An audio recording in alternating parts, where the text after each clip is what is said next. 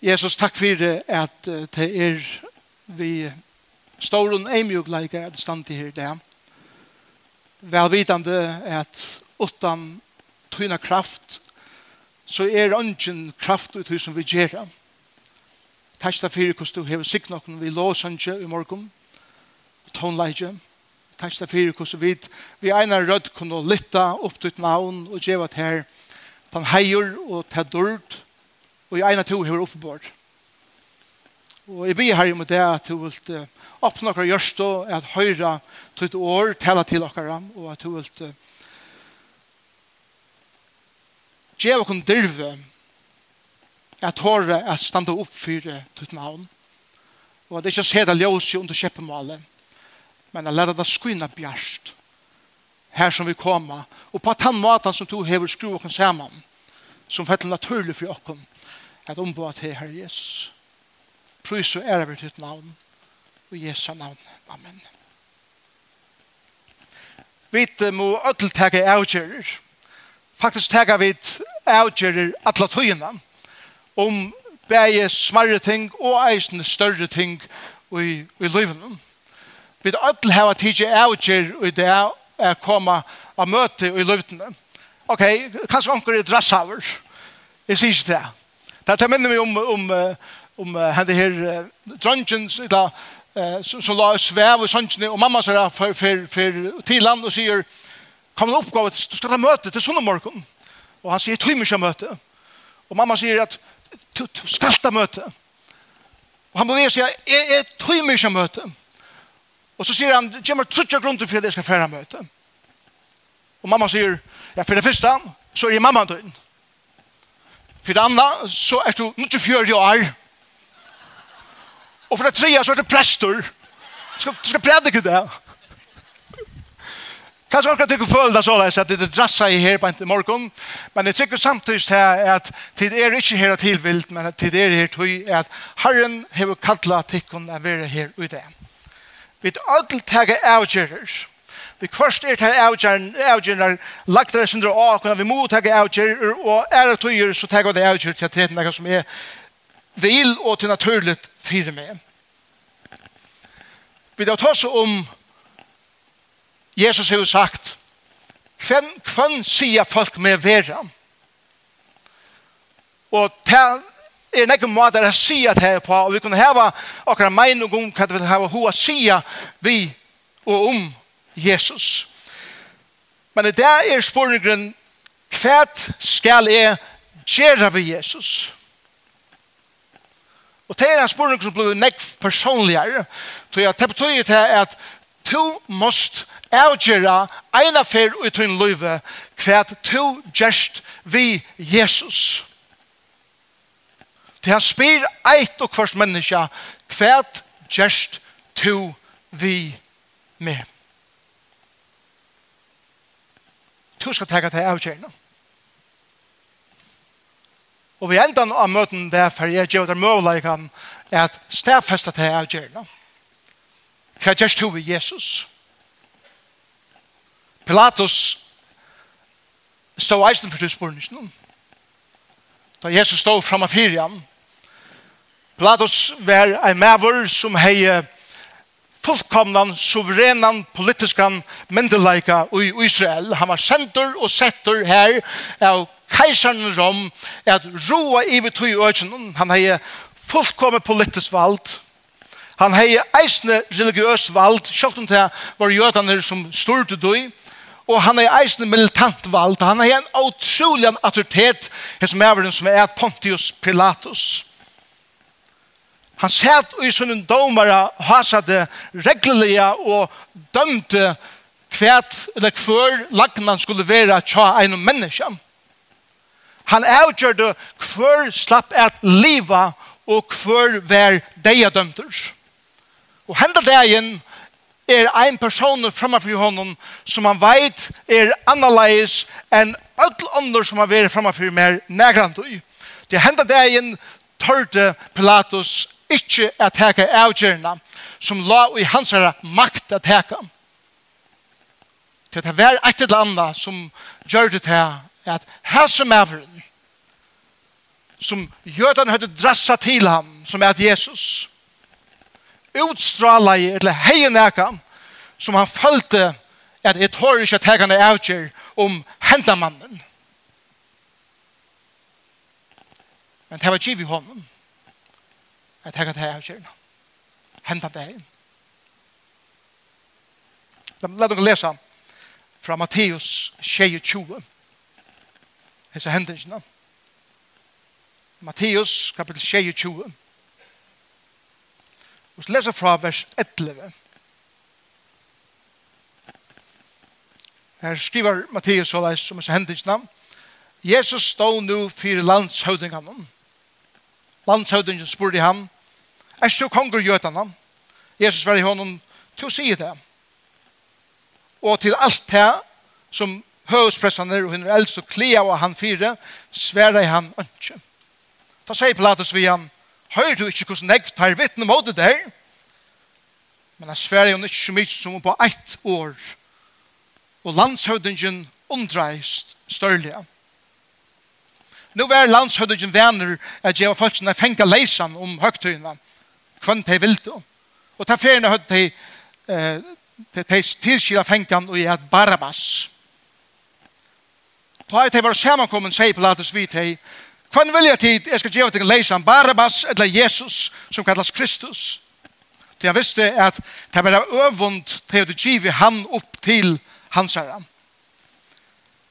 Men medan han sett av domar og solen, säger kona hans herra, eller sendte kona hans herra honom eh, bo og lät säga Här inte vi hända rattvise att göra. Så jag har ju det li nägg för drejme för hans herra skuld. Men hörspressan är hon äldst och i hela folket att be om att få Barabbas leisan men Jesus drippnan. Landsøvdøkken tog nu til åra og sier vi til Kvann er og teimen ba om vilja tid, jeg skal gjeva til leisan, og teis sværa og Barabbas. Paulus sier vitt, og her kommer spurninggrunn som talan det er bygd av. Kvært skal jeg ta gjerra ved Jesus, som vi kallar for Kristus. Teis sværa av ødel, let han krossfesta. Landsøttet spurte, hva er det han ta gjørst? Men det er røpt og herre, let han krossfesta. Krossfesta. Ta Platus nu sa at han ikke makta i. Men når gengren best tog til, tog han vatten og vaskar seg om hendene for jeg er folksens og sier Jeg er sækleiser i blåen av hesen rattvisa. Suttje tid til te. Alt folk sværa i.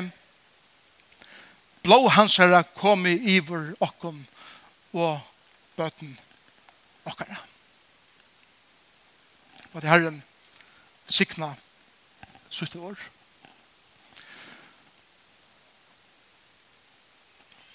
Hugsa tikkum at hava myndeleikan. Jeg skulle teka henne avgjør som hever en avverskan av en annan person som snur seg om liv etla deg. Men du tår ikke teka avgjørna. Og tar du ikke tår at teka henne avgjør, så røyner man på at det er ære måter jeg finner til og hvordan jeg kan på enkla måter snikva meg undan hese avgjørende som jeg skal teka. Og det er det som Pilatus gjør det. La meg vise dere bare helt kjøtt fem ting som Pilatus rønte jeg gjøre og gjøre frasøkene som jeg har givet dere og, og røyne anvende det til okkun hvordan det ser ut ta i vid skulle teka avgjørende vi vil gjøre spørningen om hva skal jeg gjøre vi Jesus. Det første som vi sørger eh, hentet til Pilatus er til at Pilatus, selv om han har suverena myndeleika, som romvers vald i Israel, så øtta han øttaist han religiøse meiningarna om hver og Jesus vær. Han visste vel, og teksten sier det, at tar, var kommer vi Jesus, til å ta øvende av honom og de ville finne ankra klæv og at kli henne mannen fire, så leis at han kunne være krossfester til at det er mening om at mannen var at det passer ikke akkurat akkurat løselig og akkurat meningen, så leis som han er. Og i stedet for jeg bodde ikke fire noen, så er det bedre for dere at få han beintan av venen. Pilatus, han øtteist religiøsar meiningar om um Jesus. Til han visste at hvis jeg sier imot ut av allmenne meningen om den mannen, så fyrt jeg kostet meg det ikke. Vi lever i en samfunn Hva vi høyre religiøse meninger om Jesus alle stener rundt om bakken. Vi høyre om den mannen som er god med over. Vi høyre om den mannen som er en god lærere. Vi høyre om den mannen som gikk rundt og gjør det negv godt. Vi hører om mannen at det var et eller annet goddomlet i henne, og kanskje døg han en kross enn affær, men det var kanskje ikke nek mer enn det. Spornegren som er og to må svære er kvann sier to Jesus vera, og hva skal du ta gjøre ved Jesus? Eisen til det kommer av kostet her er at tøyn mening og imon til ære religiøse meninger om henda mannen for å kostet her nærke løyven. Tår du til Tør du å stande opp i en samfleie som sier at Jesus var bare en god maver og ikke mer. Tør du å stande opp i en samfleie som sier at det er sikkert vi har som med som heter Jesus Kristus. Er soner Guds som kom til gjerrar at dødja fyrir sindre menneskjans, såleis at menneskjan ikkje fer fortapt, men verur frelst og bjerka inn i himmelen. Tår til å si at han? Pilatus tårde ikkje enda degen. Jeg sier til at han økta ist, religiøse mennene særlig og leierne som hadde sånne mening og øvende av hans mannen som gikk rundt og gjør det godt. Et annet som, som Pilatus Eisen gjør det, til, var til at han brukte taktikk for å få folk til å velge fyrir seg. Så, Fyrir ikkje at det kostar meg for nek, så, så røyner jeg å være taktiskur. Og Pilatus sier sånn her, veldig mæveren på nekka mater, sier, la, la meg bruke sånn tradisjoner som vi heva. La meg finne den ringaste fengen som er i landen. Så jeg vet at ta og jeg spyrje folk om jeg skal lede Barabbas leisan og imon til Jesus, så tycker vi at Pilatus också säger självande for at jeg väljer Jesus fram om Barabbas. Barabbas var en tjovor, han var en droppsmävor, han var en ronsmävor, han var en upprörsnarmävor. Hese mävren var kanskje mävren som og i falskjenen som stod i fjöltene hei kanskje drype omkring at han var nærmest. Kanskje hei bare bare spyrir vi til at misnøyta døtrene eller sonen til en av dem som stod her han da dagen. Kanskje hei bare bare rant eller rant heime til onken av heim som stod her han da dagen. Og sjølvan de huksar Barabbas, de huksar Pilatus om Barabbas, at ha i spyrir folk, så får folk sier, krossfast henda mannen som hever Jesus som nekvi inn og akkara, nærmast og og lærte Jesus leise han. Men til kjørtje kja Pilatus krevja deg av Jesus for krossfester. Og så det kun jeg vil heva en person livande i okra samfunnet oppi høyvøyget i havnen som vi vet er en droppsmæver, en rønnsmæver, som er en batnamismbrukare, og som er en tjauer, og han er opprestner sinnaver. Han sitter i fangsel, men han vil tidsin ut av paddelen Og to slipper å velge og i middelen en rettvis mann som går rundt og gjør godt, eller en person som har rant til heim og er lagt til et liv på noen måter. Hva er det du valgt?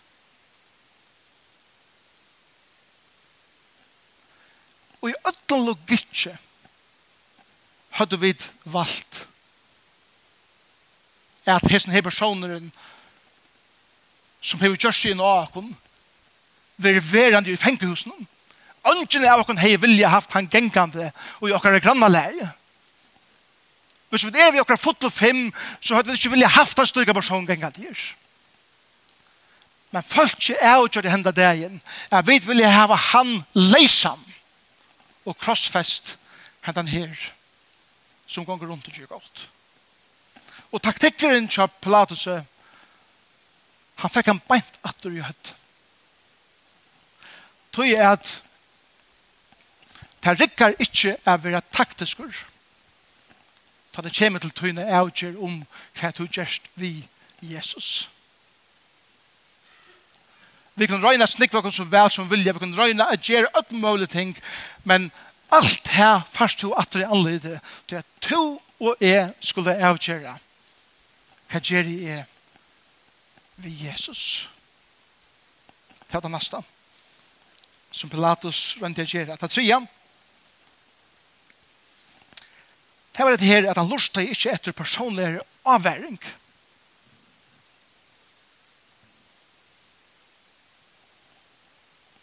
Kona, sier han. Vi leser ikke nekve om henne. Men hon hei jo i dreime finnes den utrolige ofrien om henne den rattvisa mannen. Medan Pilatus sitter av sin domståle, vær ein romverskur landshøvdinge ikke forstyrra vår av nøkron, ikke en gang konesøyne. Ta i han fer ein segel stunklan i håndena fra konesøyne, så er det viktig. Amen, men. Jeg mener, hvis jeg ikke jeg har kommet nå spekler opp igjen en sånn kjele til min på en tilbein, og til så underskrive ond, så er jeg først og fremst vil jeg ikke noe vi kommer med. Så jeg vet at hun sendte meg en segel. Wow! Så er det alvorlig. Til at, til, til alvorlig nok til jeg stand jeg på en og jeg hikker så vet akkurat hvordan hikker og, og hun vil ha sånne, sånne bevekelser at, at, at hvis jeg har fortalt henne så for ofte så, så gjør hun så leis at det er tre i fire og, og, og, så får jeg da til, til sånne forskjellige måter å vise på at, at nu nu hade jag en kvann som där var. Och så var jag ja. Vi har gift 25 år och ett som jag har kursat last i 25 år det är att du lustar efter konjatar som oftast. Pilatus han sitter av tronen i hendan dagen og han fær en personlig avheitan og avværing fra en person som kjenner han innelige og man halter vekk fra som her og han lustar ikke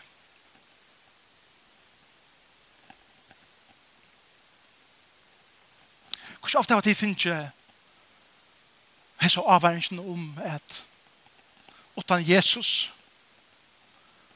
så er du fortapt. Utan Jesus så er du fortapt. Utan Herren Jesus og ut hun løyve så gonger du en lei borste fra gode inn i et æve fortapelse som Bibelen kallar for helvete. Til den avværingen som er djevi i det. Til den avværingen som vi djeva personlige, tar vi vittna om hvor Jesus Kristus er i okra livet. Forstå at ignorera en slik personlig avværing og avheidan innen ditt liv, at du har bruk for en frelsare innen ditt liv, til at utan Jesus Kristus er du fortapt, og du er fortapter. Først og bare at, at ignorere det som, som Pilatus ignorerer i konen sin hendet dagen. Og vi leser eisen i, i, i vers 24 her at, at Pilatus megna i ikke styra folksen. Og her også om at, at fjora som, som, er kjent i han, til at han øttaist folkse, og at han øttaist politiske avleggingar av sine avgjør. Han sa at han megna i ikke styra folksen. Og Og han sa at hvis han skær i djøkkenom, så er det kostet honom alt for nekv politisk.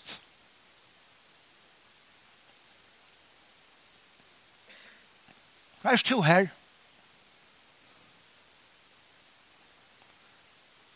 At du veist at hvis du teker en avgjør i det at fylgja Jesus i etter, så avgjør i det at djeva til liv av nudgjum til Jesus Kristus så vet jeg at har jeg tåre å stande opp for hver min trygg for Jesus, så fyrt jeg koster meg leka. Et av første verden som personer som tar det føle truste fra menneskene utanfra at hun mekner ikke at stande imot til trusten.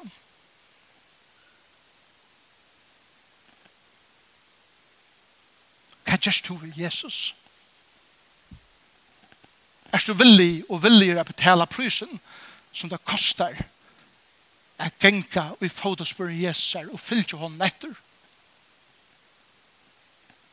Tår du å genka den veien?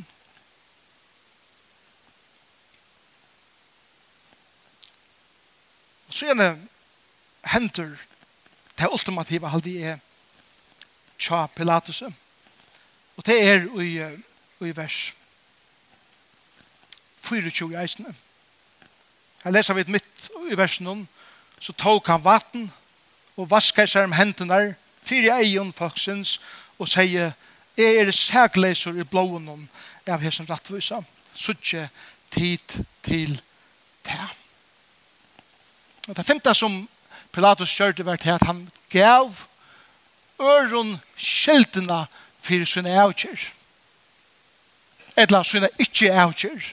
At ikke at hegane avgjør, er eisen avgjør forresten. Og han vaskar seg med hendene der. Kav øren skiltene. Han tok ikke åperen av seg sjølvan. Tida i åperen av seg nir. Søknen sier om Pilatus at ta i Pilatus var livor som landshøvdens i Israel så får han alltid til Rom Og han enda i sånne sørste dier av en sinnesjukkerhuset og i Schweiz.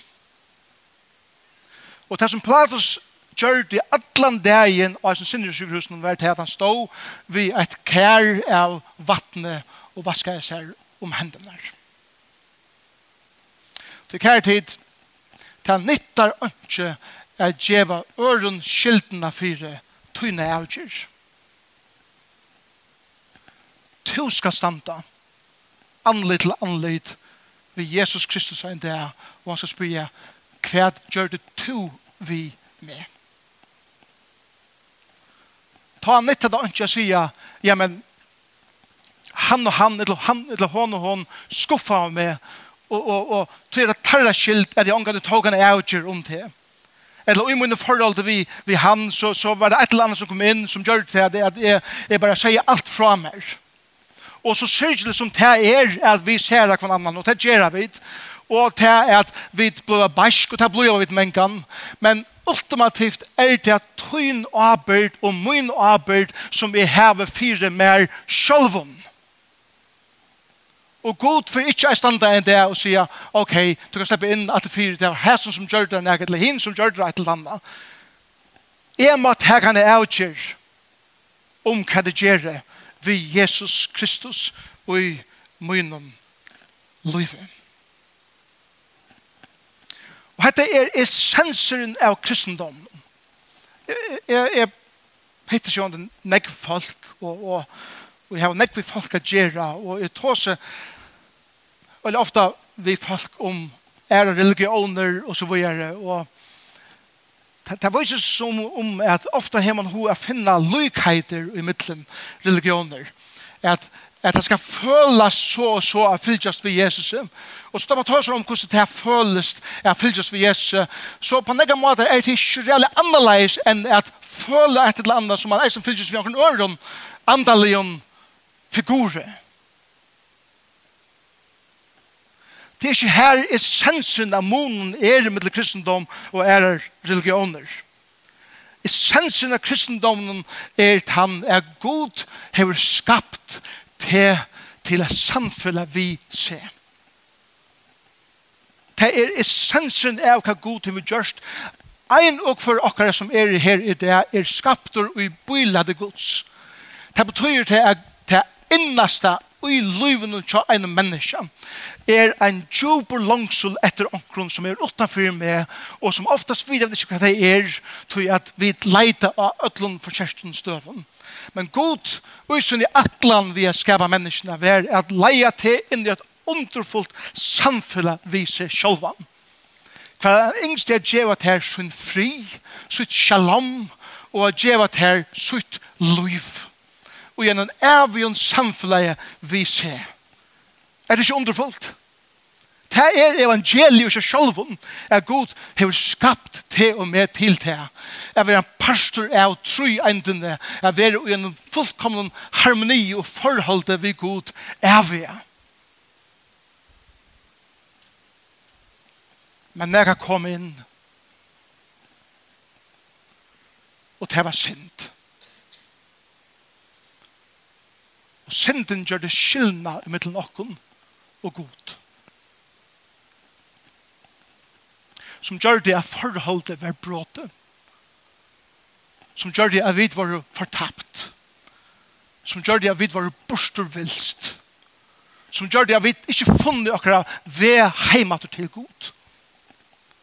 Som gjør det til at vi valgte at tega liv i egna hendur og at røyna og skulle klara okkur sjolv utan god. Som og det er synd. Bibelen kallar det synd. Jeg vilja klara med sjølvan eller sjølva utan god. Og det er det som gjør at jeg og to er fortapt.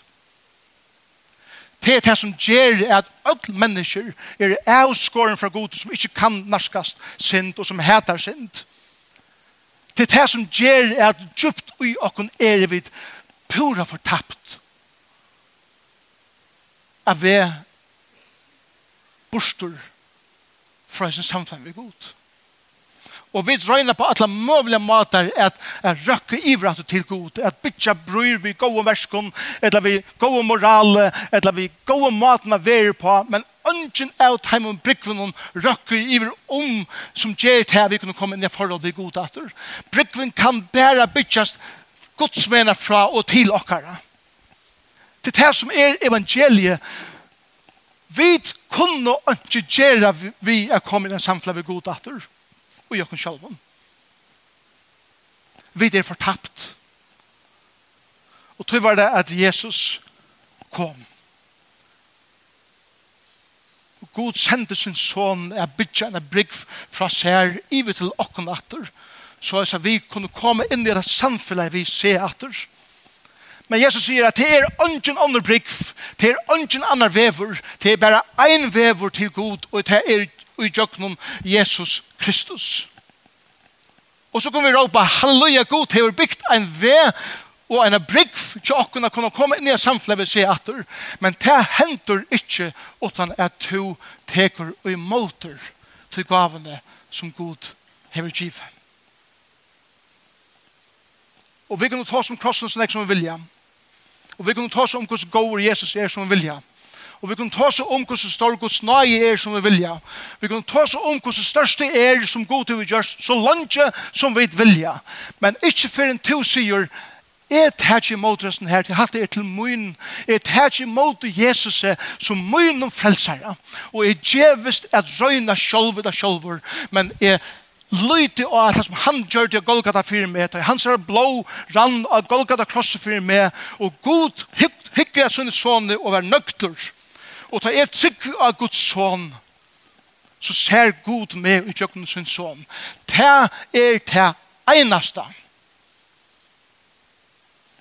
som ger er god sier velkommen heim inn i samfunnet med jeg er nødt jeg elsker jól.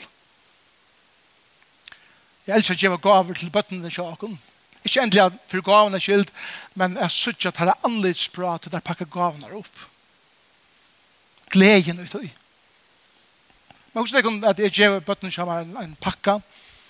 Og det hittar pakken sier, super pakke, pappa. Men nei takk, jeg, jeg vil heller ha noe annet. Han da gav veri ikke tarra for han tek mot. Og Jesus er kommet som Guds gava til okken. Mennesker som er fortapt. Og Gud sier, Jesus vel her er min sonner. Men han er ikke tøyen, og han er ikke møyen, for en er tar ikke mot honom og sier takk Herre Jesus for det at du døye for mine synd av krossen om. Jeg gjør mitt liv til tøyn. Det er evangeliet. Ta fer nega underfullt fram ut hun liv. Og til det er god er nødgjøn gjør det er spildt nytt liv.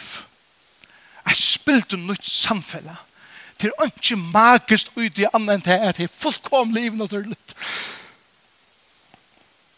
Det er ikke fyrversk, og det er ikke eh, kjensler som leiper opp og nyer. Det er negkjipri enn det. Det er at God sier, «Tu erst i min somi. To erst gjør rattvis. To erst gjør rattviser. Og du var fotle egongt å komme til min. Og du hever finnje Jesus Kristus inn i tøyt liv. Hatta tar det plattes ikke. Min spørninger er så. Tar du